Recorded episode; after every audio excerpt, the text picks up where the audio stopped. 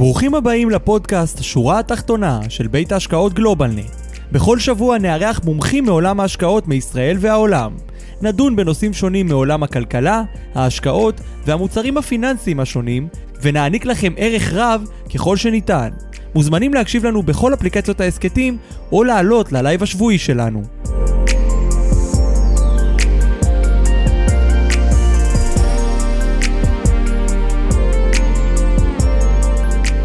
שלום לכולם וברוכים הבאים לשורה התחתונה, וובינר ההשקעות של גלובלנט, פרק מספר 130, ברוכים הבאים, הנושאים הבוערים בעולם הפיננסי, ואנחנו מתחילים. אה, יש לנו פרק אה, מאוד מאוד מעניין, מרתק, אה, אחרי שהיום הריביות בישראל עוד הפעם עלו, כתגובה לריביות שעולות בכל העולם. אה, וזה הולך להיות פרק מעניין, כי דווקא היום אנחנו נדבר קצת על, אה, על התנודתיות הגדולה, על איך אפשר להקטין אותה, איך זה אולי יכול לשפר את תיקי ההשקעות שלנו. אז איתנו בנושא היום אה, דוקטור ארי אחיעז, שמנהל אצלנו את מערך ההשקעות. שלום ארי, מה העניינים? ערב טוב אורן, ערב טוב לכולם פה בוובינר. ערב טוב לך, כיף גדול שאתה כאן איתנו שוב. אה, תפס אותך לא מוכן אה, עליית הריבית היום? אה, את האמת זה היה די צפוי, אפילו צפו לטיפונת יותר, בממוצע צפו ל-0.56 אחוז, הם היו ברף הנמוך כביכול בציפיות, אבל כנראה עדיין העלאות הריבית לא נגמרו, ככה לפחות זה הצפי בסייקל הנוכחי. כנראה זה לא הסוף. טוב, אבל אין סוף, כי כמו שאתה אומר, זה סייקלים, וכרגע אנחנו רואים את אה, הריביות עולות, אבל רגע לפני אה, שכן ניכנס לתוך נושא הפרק, חשוב לי לציין ולהדגיש כי אין לראות בוובינר תחליף לייעוץ השקעות או שיווק פנסיוני או ייעוץ מס או המלצה בנוגע לכדאיות השקעה במוצר פנסיוני או פיננסי כזה או אחר. אין לראות בוובינר אה, הזמנה לביצוע פעולה, אה, המידע הוא לידיעה בלבד ואינו מהווה תחליף לייעוץ המתחשב בנתונים ובצרכים של כל אדם וכל משפחה. בשביל זה אנחנו כן ממליצים לכם להיוועץ עם איש מקצוע, אם זה מטעם גלובלנט או איש מקצוע שאתם מרגישים איתו בנוח, אה, ולדון בתיק בהתאם לתנאים שלכם. אה, למשתנים שלכם. אנחנו כן אבל נדבר, כמו כל פרק, אה, על מה שבוער אה, בעולם הפיננסי, אבל קודם נגיד שלום לא רק לארי, אלא גם להרבה צופים שפה איתנו היום. אז שלום לשרגא ושלומי, צבי, משה, ליאורה פה איתנו היום. שלום לך ליאורה, כיף גדול לראות אותך עולה לוובינרים. גיל, דוד, צבי, זאב, יחיאל, אבי, כיף גדול לראות אותך פה גם איתנו היום, אה, דן, אה, קמבל ואשר, רמי, אבי, מיקי, יניב, הרבה אנשים טובים ושמות חדשים, אז ברוכים הבאים. כתמיד יש למטה צ'אט ו-Q&A, אז אתם מוזמנים לשאול שאלות, להעיר הערות לאורך הוובינר, ואנחנו נשמח להגיב בהתאם. אז, ארי, אנחנו הולכים לדבר היום קצת על תנודתיות. כן, אז עוד פעם, תנודתיות, אה, או החלק השני, או החלק שאנחנו לא רוצים לראות בתיקים. אה, כולנו מצפים לראות את התשואה, אבל צריכים תמיד לזכור שהתשואה אה, באה עם תנודתיות. אז אני ארצה לעשות איתכם, לעבור איתכם על כמה דברים בסיסיים. אז אני לא אבוא ואפתח איתכם קורס, יש לי בערך 500 סטודנטים כל שנה, שאני מלמד בכל מיני אוניברסיטאות, אז אני לא אעשה לכם קורס שלם, אבל אני כן רוצה לגעת בכם עם, עם הנקודות העיקריות, כדי לוודא שא', אנחנו מבינים את, ה, את הדברים שמדברים עליהם, שכולם מדברים על מקדמי מתאם, או תנודתיות, או דברים כאלה, ננסה לבוא ולהבין איך זה אמור להשפיע עלינו בתור אה, או לקוחות, או אה, האנשים שמדברים עם לקוחות, והמטרה זה לנסות לבוא ולראות מה הבעיה במקדמי המתאם, באותו תנודתיות בתיקים, והאם קיים פתרון לזה. זה, זה המטרה שלנו. אז אתה הולך לעשות לנו היום אפילו שיעור קטן. שיעור קטן, לא ארוך, קטן, עם uh, מעט נפנופי ידיים, אבל המטרה זה כן לנסות לבוא ולהבין את הדברים בצורה מעט יותר מעמיקה מרק לבוא ולהגיד לכם שיש תנודתיות ותנודתיות זה רע. כן. מי ש... ממי שלא יודע, אה, ארי הוא דוקטור למימון, שמרצה באופן שוטף למימון וכלכלה. אז אה, ארי, קצת יותר פשוט, כדי שכולם יוכלו להתחבר, אבל אה, בוא נתחיל, אז מה, אז מה הסיכון? יש קטע עם תנודתיות, כשהתשואה עולה, אומרים התשואות עלו, אבל כשהתשואה יורדת, אומרים התנודתיות עלתה, נכון? זה הדרך אז ברמה הבסיסית שלנו, ואני כבר אראה את זה, בתחושה הבסיסית שלנו, ברגע שמדברים איתנו על תנודתיות, אז רוב האנשים תופסים את זה כסיכון. מה, מה אותו מדד שתמיד מדברים עליו בתור מדד הפחד או מדד הסיכון? מדד ה-VIX, בסדר? כולנו שמענו על ה-VIX, מדד ה-Volatility Index, זה מדד שעוד פעם, כולם אומרים עליו, עוקבים אחריו, עולה, יורד, בתנודתיות, בפועל מה שהוא בודק המדד הזה בודק את התנודתיות של ה-S&P 500, של מדד ה-S&P 500, אז אני מנסה להראות לכם שכבר ברמה הכי בסיסית שלנו וגם מה שנקרא בעיתונות הכלכלית, פחד או סיכון מתבטא יחד עם תנודתיות, ותנודתיות זה למרבית האנשים זה דבר רע. אז אורן, אני יכול לשתף מסך כאילו? כן, ניסית? הנה. אני עכשיו מנסה, זהו. המסך הוא שלך. חבר'ה, פעם נוספת, למטה, צ'אט, Q&A, הכו את המומחה, ארי, הבמאי שלך. תודה רבה, אורן. טוב, אז אה, באמת, מה אנחנו נעשה ביום? אין לנו המון זמן, אני ארוץ על הדברים, אבל נשתדל לעשות את זה כמו שאורן ביקש, לעשות את זה הכי מובן והכי, מצד שני, הכי מובן מצד אחד, מצד שני הכי אה, אה, מלמד ומעשיר מצד שני.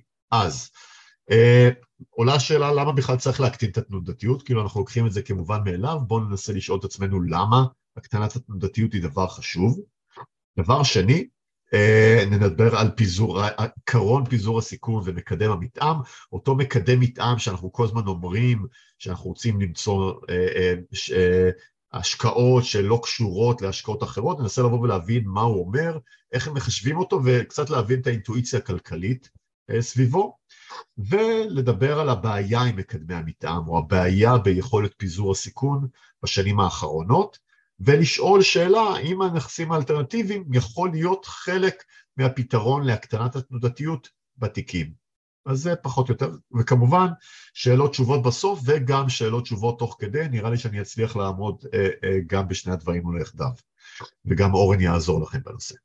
אז אה, מתחיל בשאלה, למה בכלל צריך להקטין את התנודתיות? אז שנאת סיכון, מרבית המשקיעים, מרבית הזמן במרבית סוגי הנכסים מתנהגים כמשקיעים שונאי סיכון, כלומר, הם מעדיפים פחות תנודתיות בתיקים גם אם התשואה הממוצעת שלהם תהיה נמוכה יותר. כלומר, זה לא דבר שאנשים אוהבים, אז סתם ככה ל, ל, ל, בתחושה מה זה אומר, אם יש לכם נכס אחד שנותן לכם בהסתברות של חצי-חצי, או אחוז או עשרה אחוז, זה מצד אחד, ומצד שני, יש לכם את נכס ב', שנותן לכם גם בהסתברות של חצי-חצי, או מינוס 15 אחוזים, או פלוס 30 אחוז. אז תשאלו 100 אנשים, כנראה בין 80 ל-90 מהאנשים יעדיפו את נכס א' על פני נכס ב'. למה?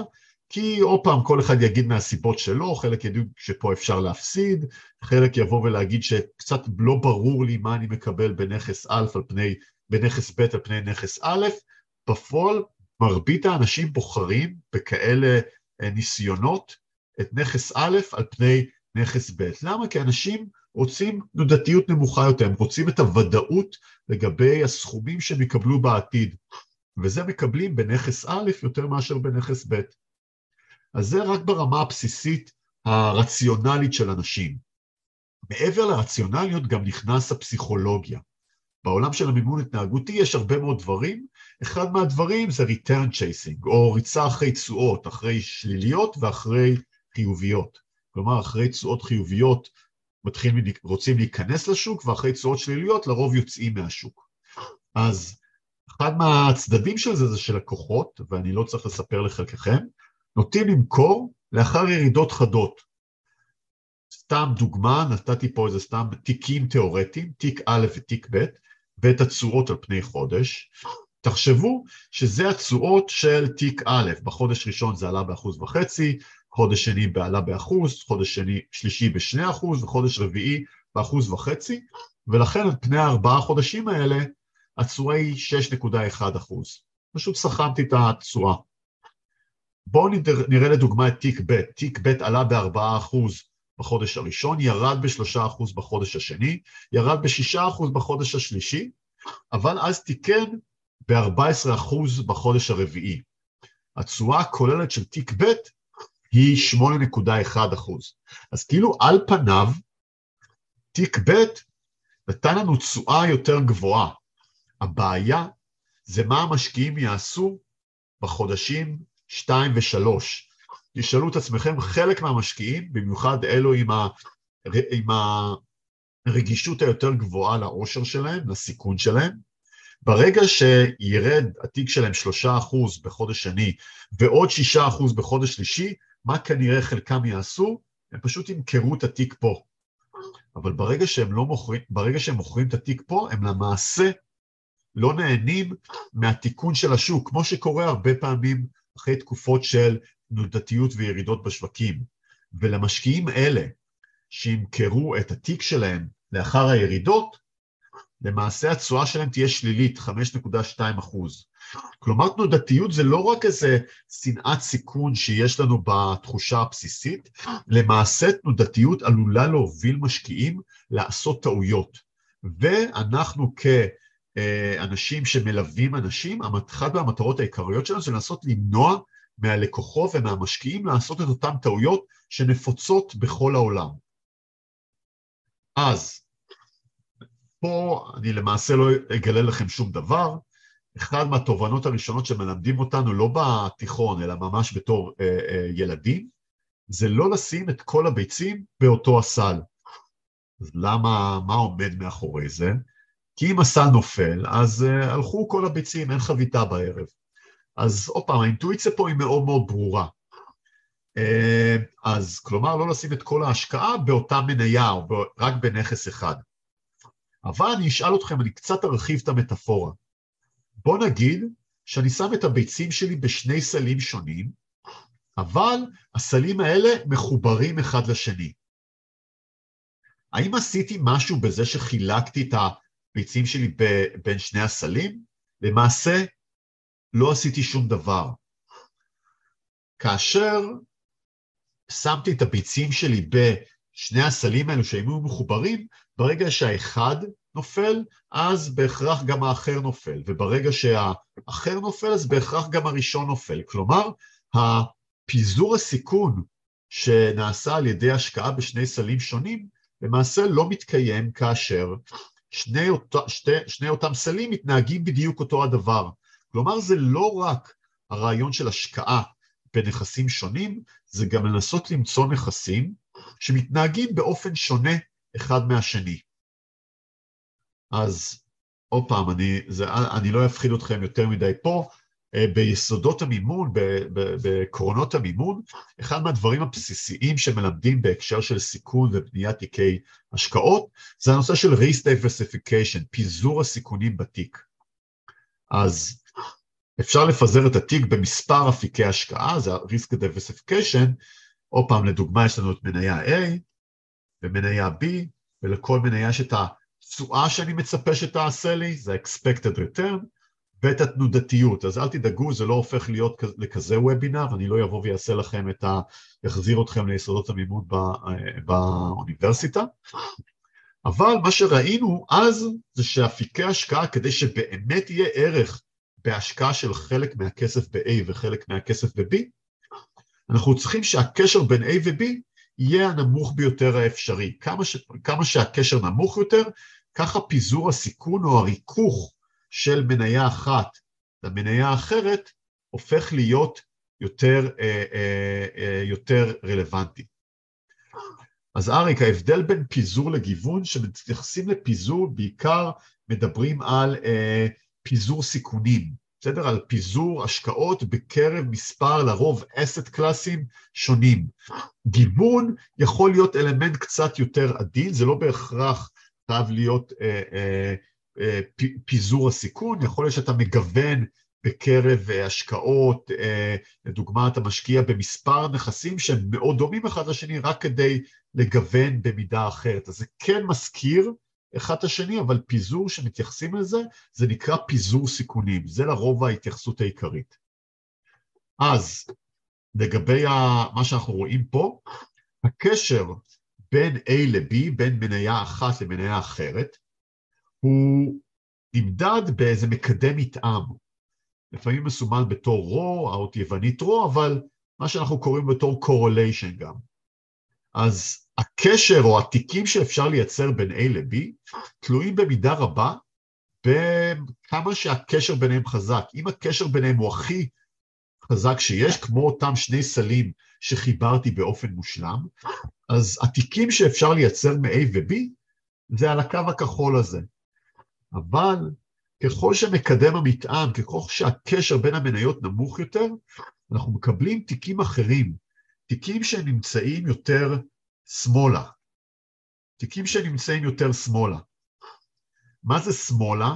זה אומר שיש לזה פחות סטיית תקן, פחות תנודתיות לתיק, וזה הדבר שמשקיעים מחפשים, כי בעולם הזה, כפי שציינתי מקודם, משקיעים רוצים להיות יותר למעלה, עם תשואה גבוהה יותר, ומשקיעים רוצים להיות יותר שמאלה, עם פחות סיכון.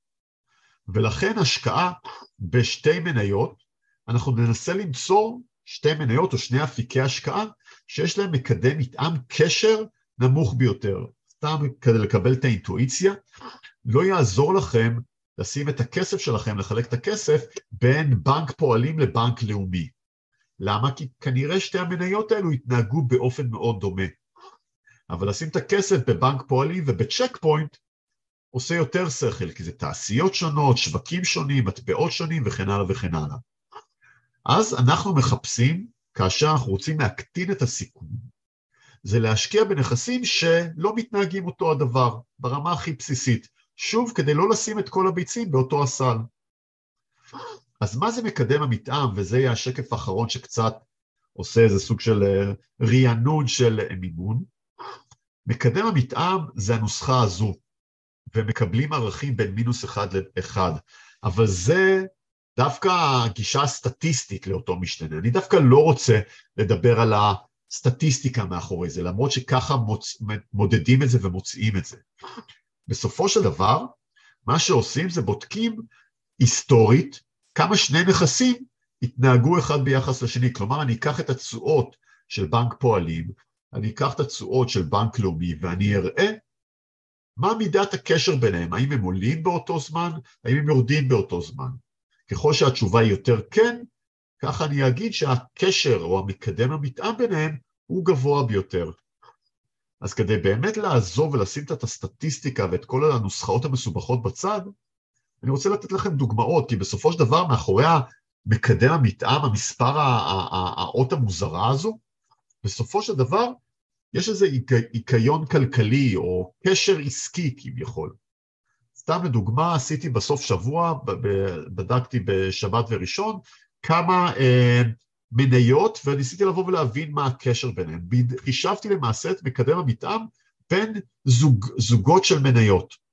אז הזוג הראשון שבדקתי זה קשר בין American Airlines לבין United אה, Airlines. אני מקבל שמקדם המתאם הוא 0.86, כלומר מאוד מאוד, כבר מתחיל להיות מאוד מאוד קרוב לאחד, כלומר לגבול העליון של הקשר. אנחנו, אנחנו רואים שיש קשר גבוה מאוד בין United Airlines ל American Airlines. שוב, לא כל כך מפתיע, שתי חברות אמריקאיות, תעופה, גדולות, אה, שמושפעות מאותם אלמנטים, ולכן לא מפתיע שהתשואות של האחד דומות לתשואות של האחר. עוד זוג מניות שגם לא מפתיע שיש מקדם מטעם יחסית גבוה, זה פפסי וקולה. בסדר? מקדם מטעם של 0.77.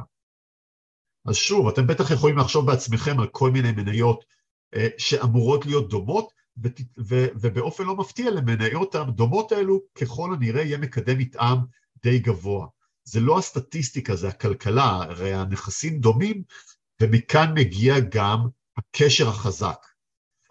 מצד שני, בדקתי לדוגמה פייסבוק או מטא ביחס לאמריקן ווטר, חברת אה, תשתיות המים אה, הגדולה בארצות הברית. שם אני רואה שמקדם המתאם הוא כבר 0.19, כלומר משמעותית יותר נמוך ממקדמי המתאם שראינו פה. בדקתי זוג אחר של חברות, וולמארט, חברת השופרסל האמריקאית, החברה הסופרים הגדולה בארצות הברית, לעומת נטפליקס. גם פה אני רואה שיש מקדם מתאם הרבה יותר נמוך. אז שוב, לא מפתיע שמקדם המתאם, הקשר בין מטא לאמר, לאמריקן ווטר או בין נטפליקס לוולמארט הרבה יותר נמוך מאשר החברות תעופה או החברות משקאות אה, ממותקים, בסדר? אז שוב, זה כאילו סטטיסטיקה, אבל בפועל זה כלכלה ובאמת היגיון בריא. אז למה עשיתי לכם את ההקדמה הארוכה הזו? כי מה שאני רוצה לדבר איתכם זה על מקדמי המתאם, ואיך זה באמת משפיע לכם על התיקים. אז בואו נדבר על בעיה.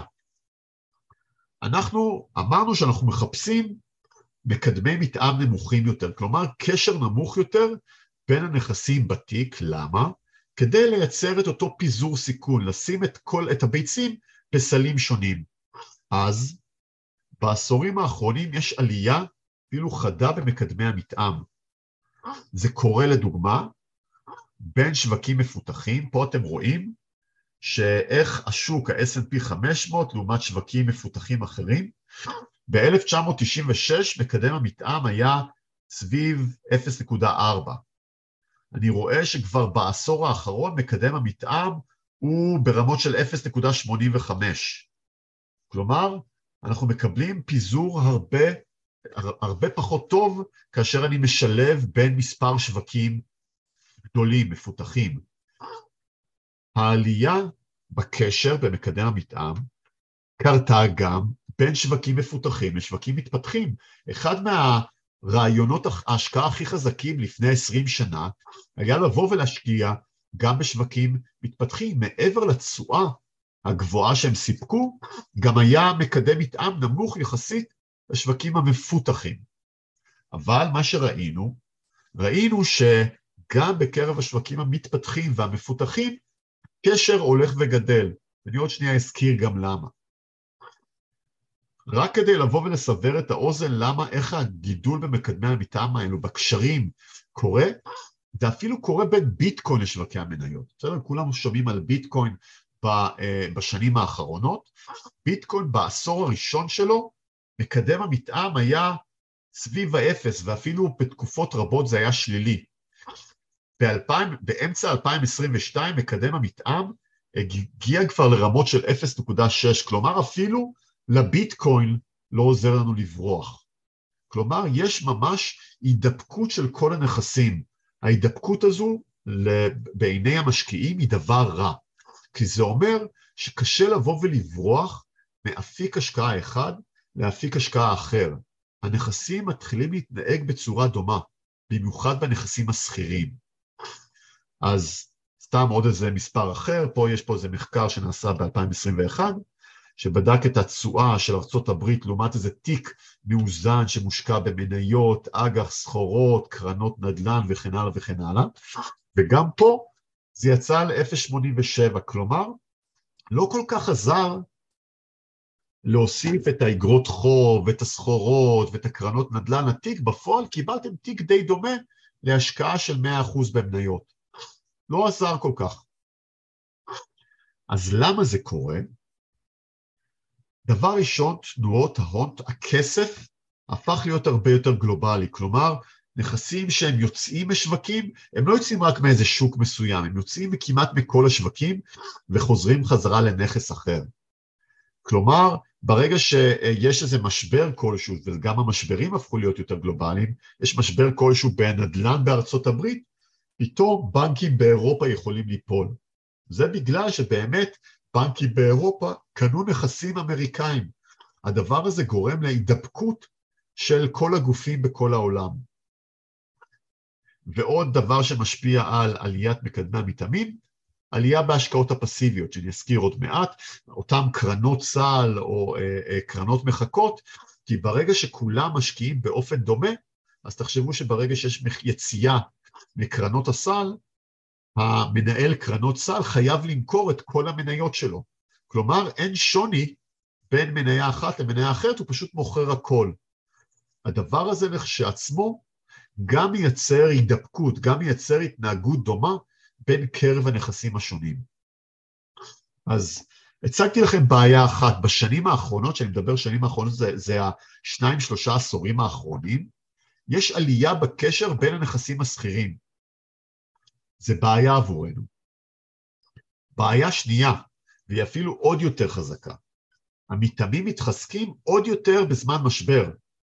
כלומר, בזמן משבר, שיש ירידות, לדוגמה במניות, דווקא אז אנחנו רוצים לדוגמה שאיגרות החוב או שקרנות הנדל"ן יתנהגו בצורה שונה.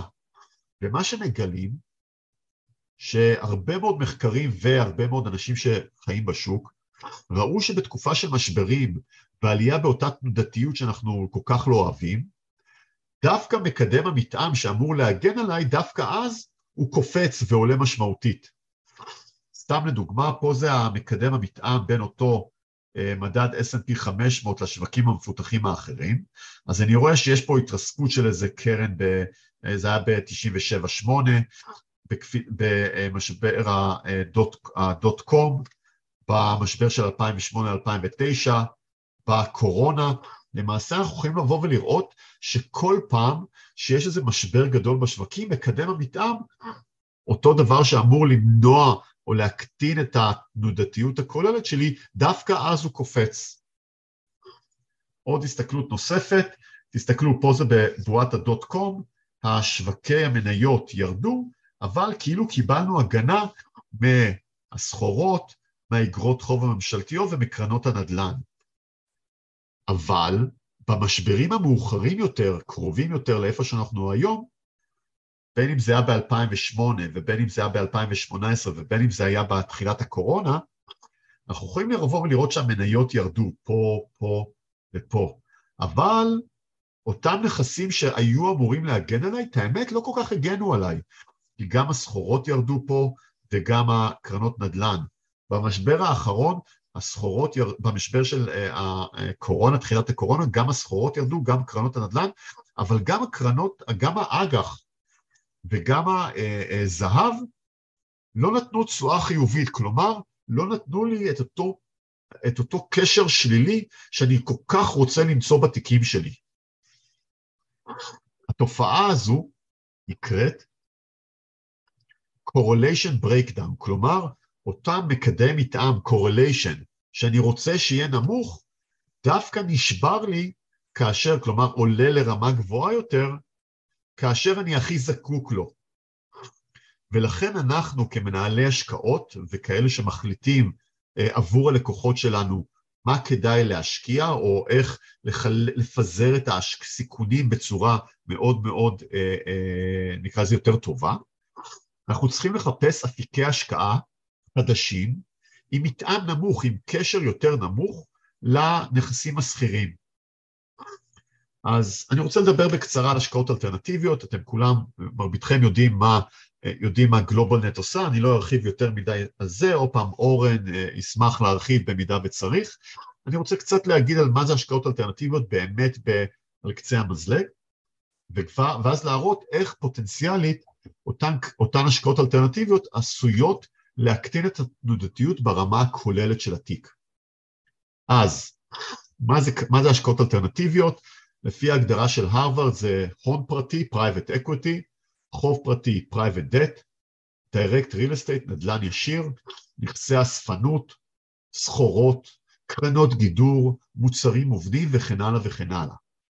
מה בפועל אותן השקעות אלטרנטיביות נותנות לנו? הן או מאפשרות לנו לקבל חשיפה לנכסים פרטיים, או כמו לדוגמה אה, חברות פרטיות, כמו נדל"ן, כמו אה, אה, נכסי אספנות, כמו תמונות וכן הלאה וכן הלאה, או כל מיני אסטרטגיות השקעה ייחודיות בנכסים שכירים, כמו קרנות גידור או מוצרים מובנים.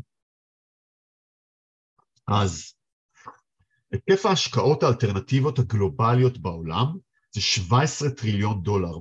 היום זה כבר יותר מ-12% מסך ההשקעות בתיקים, באותו תיק השקעות גלובלי. כאשר המניות והחוב זה פחות או יותר היתרה בחצי חצי. איך ה-17 טריליון האלה מתחלקים, באמת ברמה מאוד מאוד כללית? פחות או יותר באופן הבא, קצת יותר משליש ב private equity, בהון פרטי, רבע בערך בקרנות גידור וכל מיני, מה שקראתי לכם, אסטרטגיות סחירות יותר, אבל מיוחדות, 20 אחוז השקעות ב direct real estate, ואז עוד 7 אחוז בסחורות, 6 אחוז חוב פרטי ועוד 4 אחוז בתשתיות. בסדר? זה פחות או יותר פילוח ההשקעות האלטרנטיביות של אותם 17 טריליון דולר, אותם 17 טריליון. אז בואו נעבור על מגמה מאוד מאוד גדולה שקורית בש... בשני העשורים האחרונים וגם כנראה תמשיך לפחות בעשור שניים הקרובים. אז מה שאנחנו רואים, שיש יותר השקעות אלטרנטיביות ופסיביות, אותן השקעות של קרנות סל, ETFים וקרנות מחכות, וירידה משמעותית בהשקעות אקטיביות, כלומר ניהול תיקים אקטיבי או קרנות נאמנות אקטיביות. אז בואו נסתכל על המגמה, זה, זה מחקר שנעשה ב-2022 בחברת הייעוץ Boston Consulting Group. אז מה שרואים שב-2003 השקעות הפסיביות היו 9% מהתיק, וב-2025 צפוי להיות כמעט רבע מהתיק. מה שיותר מעניין עבורנו כרגע, זה שב-2003 ההשקעות האלטרנטיביות היו רק 9% מהתיק, וב-2025 זה כבר הופך להיות 16% מהתיק. ומה הצטמצם אם כך? מה שהצטמצם זה אותו חלק אקטיבי. אותו חלק שמנסים לבוא ולהשקיע באופן של בחירת מניות, לנסות להכות את המדדים, לייצר אלפא, שזה תשואה עודפת. אנחנו רואים שהדבר הזה נעלם מהר ומהר. ב-2008 82 אחוז היו סוג של השקעות אקטיביות, בשנת 2025 זה יורד רק לפחות מ-60 אחוז, והמגמה צפויה להמשיך גם קדימה. כלומר, פחות מחפשים את הבחירת מניות שכירות של לנסות להכות את המדד, אומרים בחלק השכיר הולכים יותר להשקעות הפסיביות, ובניסיונות להשיג תשואה גבוהה יותר או מקדמי מטעם נמוכים יותר, הולכים להשקעות האלטרנטיביות. זה מגמה גלובלית, זה לא רק בארצות הברית. התופעה לא פוסחת גם על ישראל, גם בישראל יש גידול בהשקעות האלטרנטיביות, אז כמו שבעולם זה התחיל קודם אצל הגופים המוסדיים, גם בארץ הגופים המוסדיים, אותם קרנות פנסיה, גמל, השתלמות וכן הלאה, הם גם זיהו את הדבר הזה והם ממשיכים להגדיל בצורה אה, משמעותית. אז רק כדוגמה, זו כתבה מכלכליסט בתחילת השנה, אז אנחנו רואים שבממוצע הגופים ב-2020 החזיקו 6% השקעות אלטרנטיביות, ב-2021 הם כבר החזיקו 8%, בתחילת אה, ובסוף 2022 כבר צפו שהם יחזיקו 11% מהתיקים, כלומר הגופים המוסדיים בארץ מתחילים לבוא ולהגדיל את הרכיב האלטרנטיבי, אותן קרנות שמשקיעות בחוב פרטי, הון פרטי, נדל"ן ישיר וכן הלאה וכן הלאה, זה הופך להיות חלק יותר משמעותי מהתיקים שלהם. אמ, אבל הם עדיין בפיגור למה שקורה בעולם. ההיקף הזה של ה-10-11 אחוזים, כדי להגיע לממוצע הגלובלי, זה צריך לעלות ב-50 אחוז כדי להגיע לממוצע בצפון אמריקה, כלומר בערך ל-15-16, וזה צריך לעלות ב-120 אחוז כדי להגיע למה שאנחנו רואים בגופים מוסדיים דומים באירופה ובאסיה. כלומר, על אף העלייה החדה, כמעט פי שתיים עלייה בחלק בתיק בתוך שנתיים-שלוש, עדיין זה רחוק כמעט עוד פי שתיים כדי להגיע למה שרואים באירופה ובאסיה. מה שמפתיע זה שהתופעה של הכניסה של נכסים אלטרנטיביים למשקיעים פרטיים, כמובן בהתחלה הגדולים יותר, אבל לאט לאט זה מחלחל כלפי מטה, גם בשנים האחרונות אפשר לבוא ולראות ממש אה, כניסה מאוד מאוד משמעותית של נכסים אלטרנטיביים וקרנות אלטרנטיביות לתוך משקיעים פרטיים. אז לפי סקר של KKR, KKR ואני אזכיר אותם בהמשך, זה אחד מגופי ההשקעה הגדולים אה, בעולם, מנהלים בערך חצי טריליון דולר.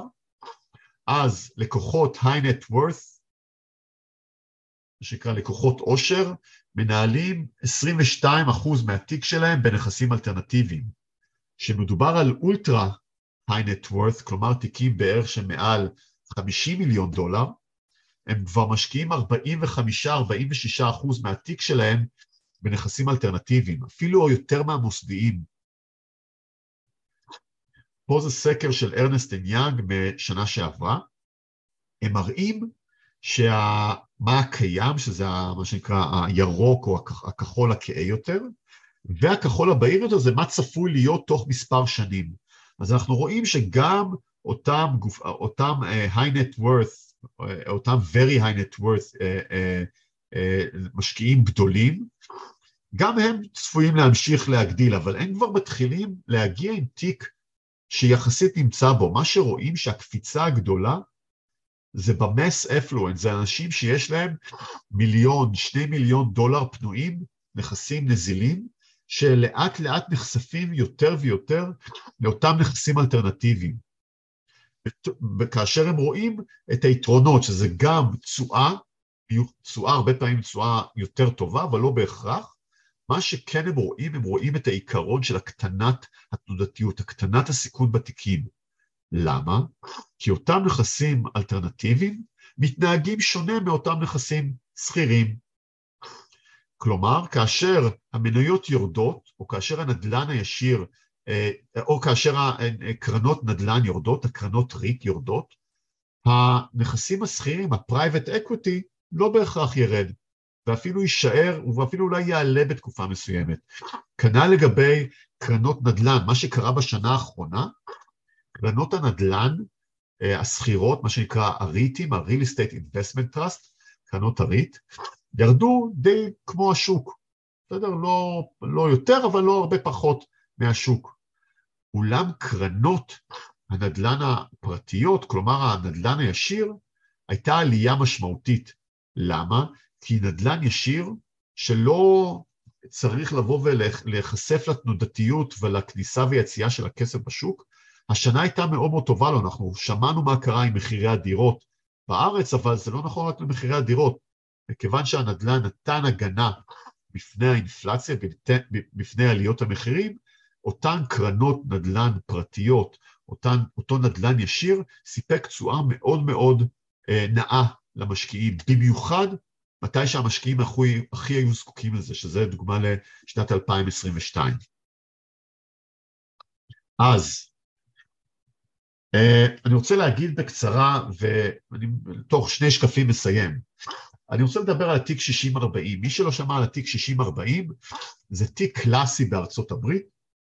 זה עוד פעם, לישראלי זה יראה תיק מאוד מאוד מסוכן, אבל זה התיק הקלאסי בארצות הברית שמשקף השקעה של 60% במניות שכירות וכ-40 השקעה באג"ח שכיר.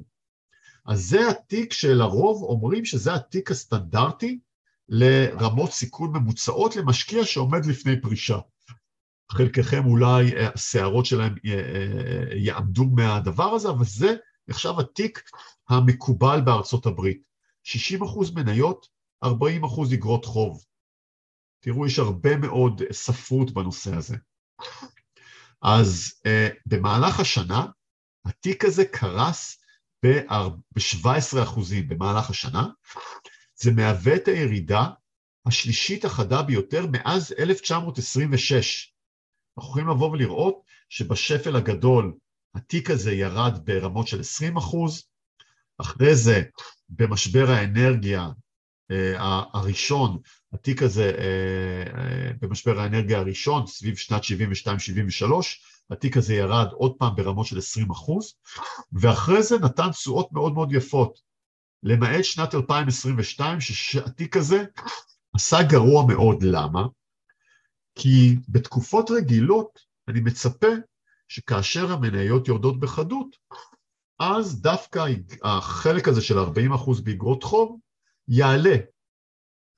יעלה ויספק לי את ההגנה, את הקטנת התנודתיות הזו, שאני כל כך מספק, מצפה לה.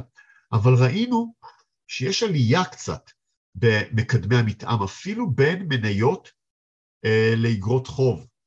הדבר עוד יותר נכון כאשר יש אינפלציה גבוהה, כמו התקופה שאנחנו נמצאים בה. כלומר, התיק הזה הוא תיק שהרבה פעמים נותן הגנה והקטנת תנודתיות, אבל בתקופות של אינפלציה גבוהה ובתקופות של עלייה כללית במקדמי המתאם, התיק הזה ממש נשבר וקורס, ולכן צריכים למצוא אלטרנטיבה.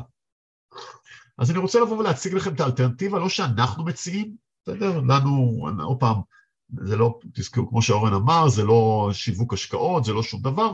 אני רוצה לבוא ולהראות לכם אה, אלטרנטיבה ש-KKR, KKR זה אותו גוף שהזכרתי, אחד מהגופי השקעות הכי גדולים בארצות הברית, אה, הציע. הוא בחן האם הוספה של השקעות אלטרנטיביות תשפר את ביצועי התיק ה-60-40 הזה. זו הייתה המטרה העיקרית. אז איך הוא בנה את התיק? הוא בא ואמר שבמקום שזה יהיה 60% מניות ו-40% אגרות חוב, בואו ניקח חלק מהמניות ונמיר את זה בנדל"ן ישיר, 10% נדל"ן ישיר ו-10% תשתיות. כלומר, החלק הזה של הרכיבי סיכון נקרא לזה, הפך להיות עכשיו, במקום 60% מניות, זה הפך להיות 40% מניות ועוד 10% נדל"ן ו-10% תשתיות. את החלק של 40% אגרות חוב שכירות, מה ש-KKR בדקו, אמרו בוא נוריד את החוב השכיר ל-30% וניקח השקעה בפרייבט קרדיט, כלומר הלוואות פרטיות לחברות, לא במסגרת איזה איגרת חוב, שכירה בשוק. והם הסתכלו על התיק הזה, והם הסתכלו על התיק הזה לתקופה ארוכה. ובואו נראה מה התוצאות. מה התוצאות של אותו תיק אה, חדש שהם הציעו, שזה 40 אחוז, 40 אה, אחוז מניות, 30 אחוז אג"ח שכיר ו-30 אחוז אלטרנטיבי. תזכרו 30 אחוז אלטרנטיבי, זה נשמע לכם מאוד מאוד אה, אה, משמעותי, אבל כפי שאנחנו ראינו, זה רמות די סבירות, בסדר? הרבה מאוד אה, משקיעים, במיוחד משקיעי עושר, משקיעים שיש להם מיליון, שני מיליון דולר ומעלה, זה כבר לא כל כך אה, בלתי סביר לדבר על הרמות האלה, של 20, אפילו עוד 30 אחוז אלטרנטיבי.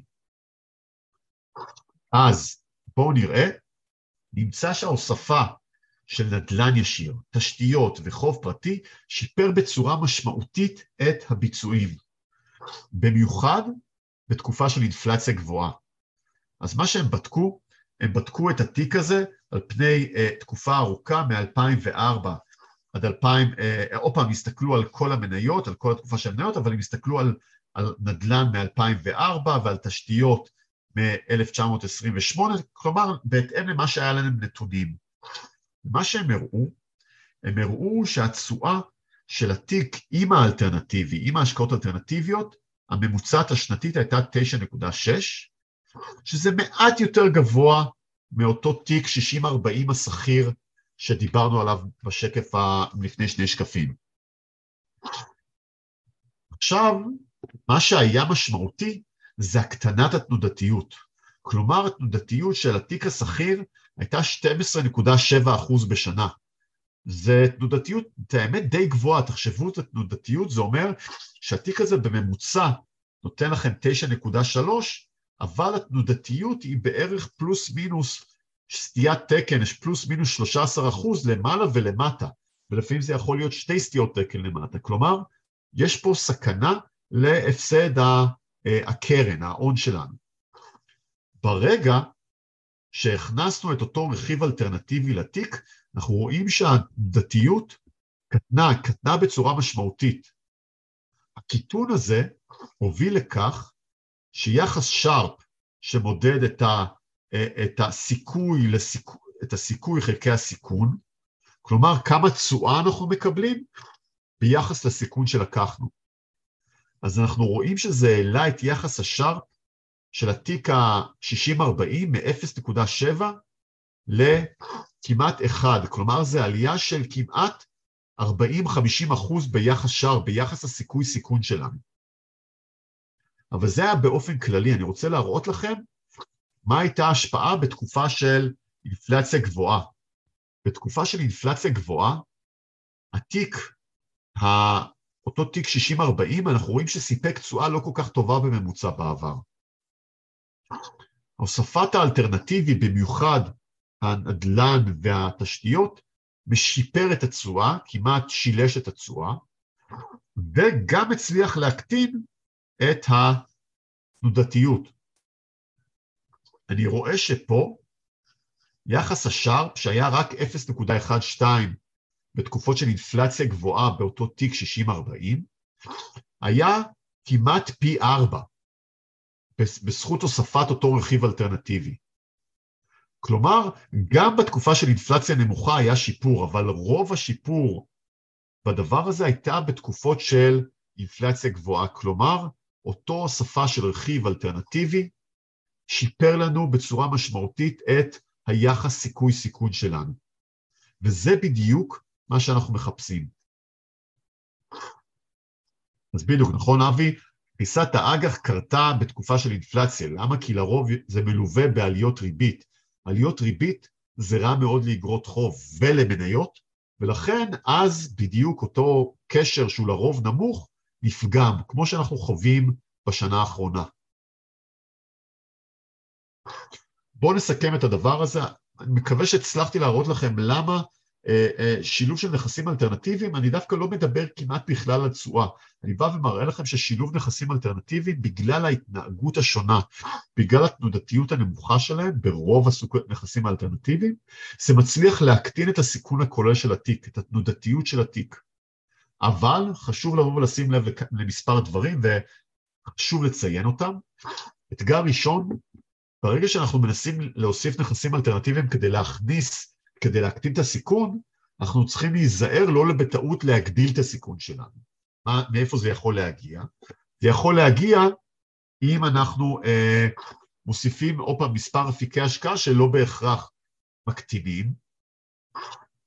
אז זה דבר אחד. דבר נוסף, ברגע שאתם מוסיפים מנהלים אלטרנטיביים מסוימים, צריכים להיזהר מאותו מנהל השקעות. צריכים לבוא ולוודא שיש פה פיזור גם בקרב מנהלי ההשקעות שמשקיעים בנכסים אלטרנטיביים. לא לשים גם את כל הביצים אצל אותו מנהל תיקים, כי גם הוא יכול לשגות.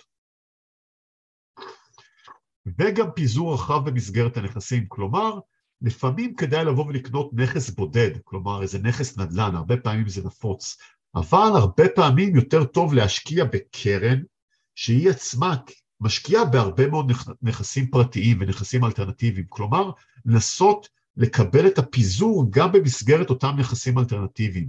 כלומר, כשמספים נכס אלטרנטיבי צריכים לזכור לא בטעות להוסיף סיכון שלא תכננו.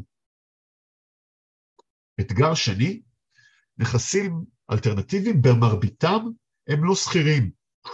הם לא שכירים כי הם משקיעים בנדל"ן, אה, חברות פרטיות וכן הלאה וכן הלאה. אבל חלק מהלקוחות רוצה איזה סוג של נזילות מסוימת.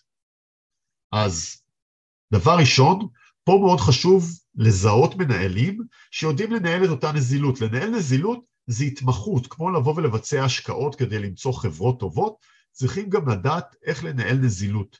מה זה לנהל נזילות? זה להבין שיכול להיות שיבואו וימשכו לכם אה, כסף אה, מהקרן, ולכן תצטרכו לבוא ולספק את המשיכות האלו, את הפדיונות האלו של לקוחות. אם לא ניהלתם נכון את הנזילות, הקרן עלולה לבוא ולקרוס או להיאלץ למכור את הנכסים הטובים שלה ולהישאר עם הנכסים הגרועים. אז ניהול נזילות זה אומנות בפני עצמה, צריכים לדעת כמה להשקיע בנכסים במזומן, בנכסים שכירים יותר, ולהבין כל המשמעויות של ניהול. סתם לסבר את האוזן, יש אחת מהקרנות שאנחנו משקיעים בה, שחבר'ה שיודעים לנהל נזילות בצורה מעולה, הצליחו בשנת 2008 ו-2009, באותו משבר פיננסי אדיר שהיה, הם הצליחו לאפשר פדיונות של כמעט 24% משווי הקרן. כלומר, אם לצורך העניין הקרן הייתה בשווי של מיליארד דולר, תחשבו על זה, שהם הצליחו לשחרר ללקוחות שרצו לצאת 240 מיליון דולר. סכום חסר, אה, אה, סכום חסר תקדים, זה קורה רק כאשר מייצרים נזילות נכונה וניהול נזילות נכון. וגם להבין את המגבלות של הנזילות, בסדר?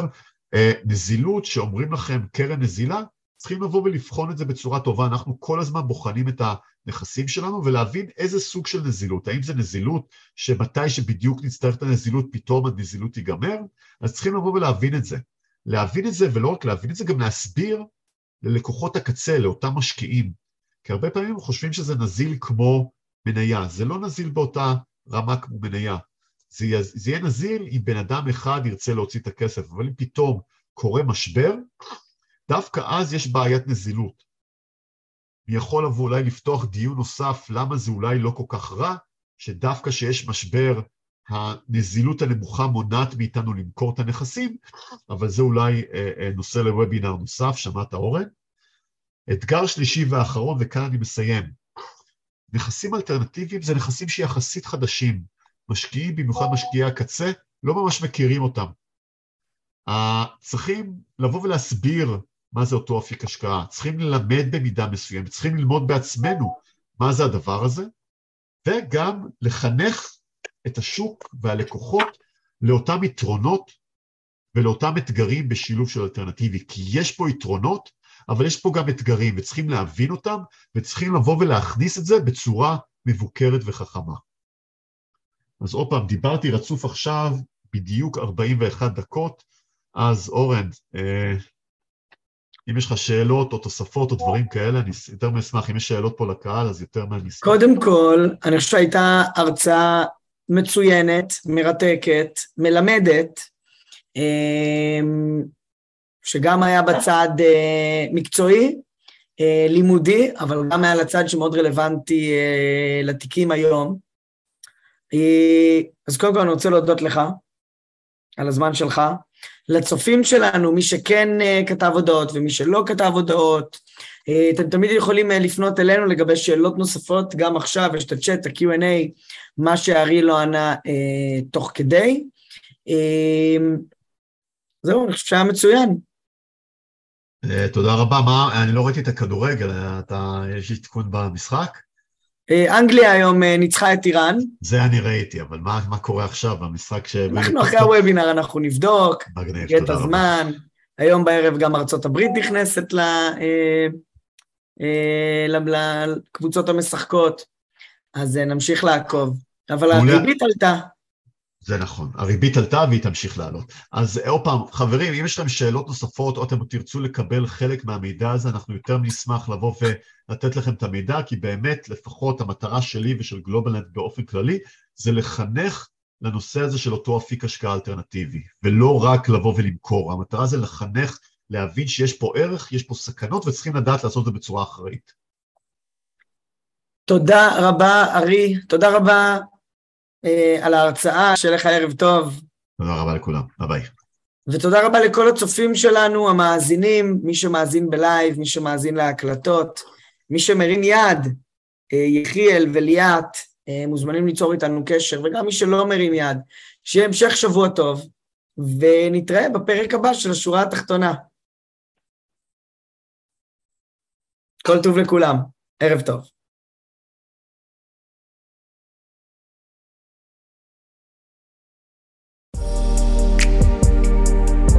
כאן מגיע לסיומו עוד פרק מלא ערך של הפודקאסט, השורה התחתונה, מאת בית ההשקעות גלובלנט. תודה רבה שהייתם איתנו והאזנתם לפרק.